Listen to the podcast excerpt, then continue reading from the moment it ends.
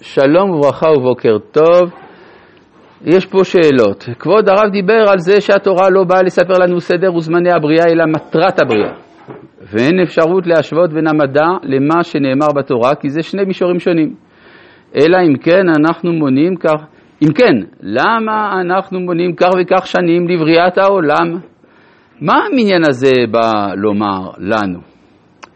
תשובה, כשאנחנו אה, מדברים על תאריך לידתו של אדם, מה זה אומר? זאת ההחלטה למנות מהרגע שהוא יצא מרחם אמו.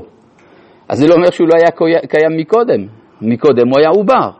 זאת אומרת, כל נקודת התחלה היא התחלה שרירותית. אז כשאתה מחליט להתחיל את בריאת העולם מנקודה מסוימת, כי זאת הנקודה שמבחינתך מתחיל בו העולם. שאלה שנייה, האם לפי הרמב"ם ספר בראשית כן עוסק במדעי הטבע? תשובה, כן ולא. כן במובן של מדעי הטבע, אבל לא ללמד אותנו מדע, אלא מה שנדרש כדי שנסיק מזה מסקנות לעניין מעשה מרכבה, הוכחת מציאות השם וכדומה מהעניינים העליונים האלה. אה, זהו. ובכן, מתוך כך אנחנו ניגשים אל ספר בראשית, וכבר התקדמנו מאוד כי הגענו לפסוק ב'. אה, אני רוצה להתייחס כאן למילים ורוח אלוהים מרחפת על פני המים, שהתחלנו לראות את זה קצת. רוח אלוהים מרחפת, המילה אלוהים יש לה משמעות של עוצמה, כן, רוח חזקה, אבל בכל זאת נאמרה פה המילה אלוהים, לא מילה אחרת. זה בא לומר שבתוך התוהו ובוהו יש גם מגמה חיובית, זאת אומרת לא רק אחרי התוהו ובוהו יהיה טוב, גם בתוך התוהו ובוהו רוח אלוהים מרחפת על פני המים. ולכן אמרו, רוח אלוהים זה רוחו של מלך המשיח. מה זה רוחו? הכיוון, הכיוון שנתפס. כן, אשר יהיה שם רוח ללכת ילכו. מה זה רוח? כיוון. אז זאת אומרת שיש כיוון משיחי שמתרחש תוך כדי הבלגן. למשל, מצאנו בחז"ל שבזמן שיעקב אבינו היה מתאבל על יוסף. באותו זמן גם היה ראובן מתאבל על מעשה בלהה. ובאותו זמן יוסף היה בבית האסורים במצרים. היה מתחרט והיה עושה תשובה על מעשה בלהה, על אה, ראובן. ויהודה הלך לחפש לו אישה. אז כל אחד יש לו העיסוק שלו. יעקב, ראובן, יוסף, יהודה, כל אחד מתעסק בעניין שלו. ומה היה הקדוש ברוך הוא עושה? היה הולך ובורא אורו של משיח. זאת אומרת, אז מה זה בורא? אז כל אחד יש לו, גם לקדוש ברוך הוא יש עסק משלו.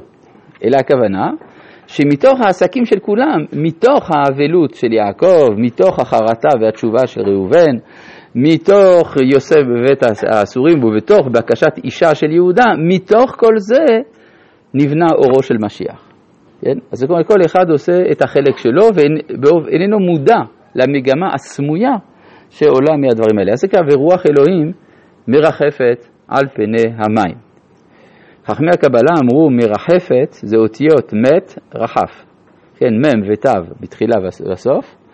רפ"ח זה 288, לפי המקובלים יש 288 ניצוצות של קדושה שנפלו לתוך הקליפות, שאותם צריך להעלות על ידי רוח אלוהים שמרחפת על פני הניצוצות והקליפות האלה. טוב, אה, אגב, מי זה המשיח הזה שמדובר עליו? הרי אם כתוב בסוף, ויאמר אלוהים יהי אור, אור זה עוד יותר משיח. אז הרב דרוקמן, פעם שמעתי אותו מסביר, רוח אלוהים זה משיח בן יוסף, ויאמר אלוהים יהי אור זה משיח בן דוד. יש מדרגות.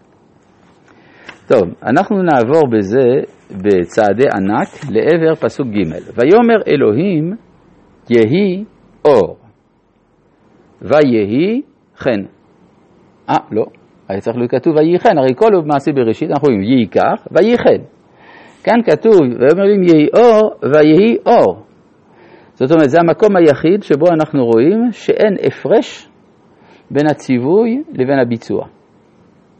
כמעט ואין הפרש. כי חז"ל אמרו, האור זה לא בדיוק יסלח. וי היא, וי זה צרה, היא זה גם צרה. וי היא, איפה האור שהיה צריך להיות? כלומר, בכל זאת זה לא אותה מדרגה. יש תמיד הפרש בין, הביצ... בין התוכנית לבין הביצוע, אבל קרוב מאוד. עכשיו, זאת מגמה שאנחנו רואים לאורך כל מעשה בראשית, שכל פעם שיש ציווי, בסוף זה לא הולך. יש הפרש? זאת אומרת שמהירות המאור היא הכי גבוהה מכל ה... נכון. 300,000 קילומטר בשנייה. בגלל זה זה כנראה היה הכי מיוחד. הכי מיוחד, נכון. כלומר, האור זה אומנם דבר חומרי, אבל זה הכי קרוב לרעיון הרוחני. לכן משתמשים, כדי לתאר עניינים רוחניים, במילה אור. אור בגימטריה רז, בגימטריה אינסוף. אז כלומר, יש uh, יחס לזה. אבל, ויאמר אלוהים יהי אור, כלומר, ואנחנו רואים שתמיד זה לא הולך. יש תמיד איזה הפרש בין התוכנית לבין הביצוע. נראה את זה בהמשך, כן, עץ פרי עושה פרי, עץ עושה פרי, שני המאורות הגדולים, מאור גדול, מאור קטן. אז יש כנראה איזשהו סדר של כישלון מתוכנן.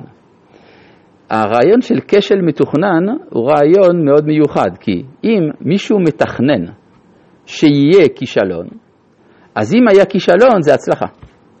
אבל אם הוא תכנן כישלון ולא היה כישלון, אז זה כישלון. כן? כלומר, זה, ואנחנו רואים את זה לא רק במעשה בראשית, אנחנו רואים את זה לאורך כל התורה כולה. התוכנית של האנושות כל פעם כמעט מצליחה ונכשלת. כן? אה, אדם הראשון בגן עדן, בסוף הוא חוטא. אה, דור המבול, בסוף האנושות נמחית וכולי. כל פעם זה משהו שלא עובד, אפילו התורה בכללה מסתיימת בכישלון, בכישלון של משה להיכנס לארץ. אז מה זה בא לומר? זה בא לומר שאף על פי שיש כישלון מתמיד, אבל בכל זאת יש מגמה של עלייה. זאת אומרת, ההתקדמות של העולם היא דרך כישלונות, דרך נפילות. אז זה אופטימי ופסימי כאחד. זה פסימי במובן הטכני, וזה אופטימי מצד המגמה הכללית שעולה. זה אחד הדברים שאנחנו לומדים כאן. ויאמר אלוהים, יהי אור. אור, מה זה האור הזה? החז"ל אמרו במדרש, אור אלו מעשיהם של צדיקים. למה? צריך להבין, כשאנחנו אומרים אור, בעברית אנחנו מקבלים אור לאור הנראה בעיניים, או לתפיסה. למשל כשאתה אומר, לאור דבריך אני מבין כך וכך. עד עכשיו ראיתי את זה באור מסוים, עכשיו אני רואה את זה באור אחר. אור, תפיסה. אז אה, הצדיקים יודעים לתפוס נכון את המציאות. לכן, אור אלו מעשיהם של צדיקים. בסדר? וירא אלוהים את האור כי טוב. אז כאן המדרש שוב מפתיע אותנו. המדרש אומר ככה, אור אלו מעשיהם של צדיקים, אז מה זה החושך? אם אור זה מעשיהם של צדיקים, אז מה זה החושך? מעשיהם של רשעים, נכון. אבל המדרש מוסיף, ואיני יודע איזה מהם עדיף. כשהוא אומר, וירא אלוהים את האור כי טוב, יודע אני שמעשי צדיקים עדיפים. זה קצת המה ואמינא לחשוב שמעשי רשעים יהיו עדיפים.